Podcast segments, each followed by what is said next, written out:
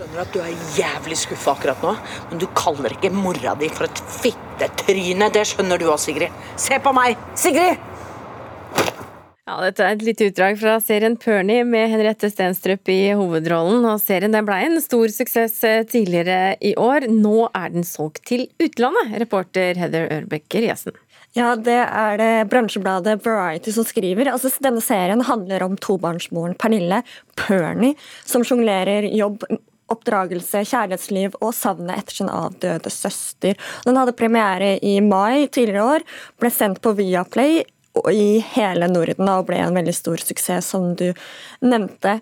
Og det ble også, ble også den mest strømte, eh, eller sette, eh, serien på strømmes strømmetjenesten noensinne. Så nå har Viaplay bestilt to nye sesonger av eh, serien.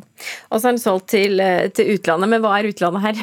ja, fordi Den ble jo sendt i Norden tidligere i år. Nå er den solgt til Spania og Latin-Amerika. Det det er inngått eh, lisensavtaler med den latinske Warner Media og den spanske strømmetjenesten Filmen TV.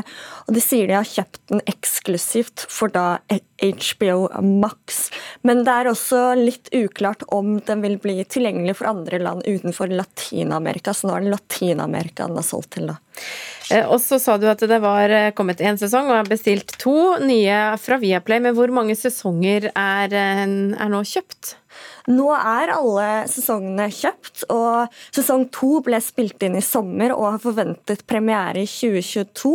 Så det blir eh, gøy å se mer av denne serien. Takk skal du ha, Heather Ørbeck Eliassen.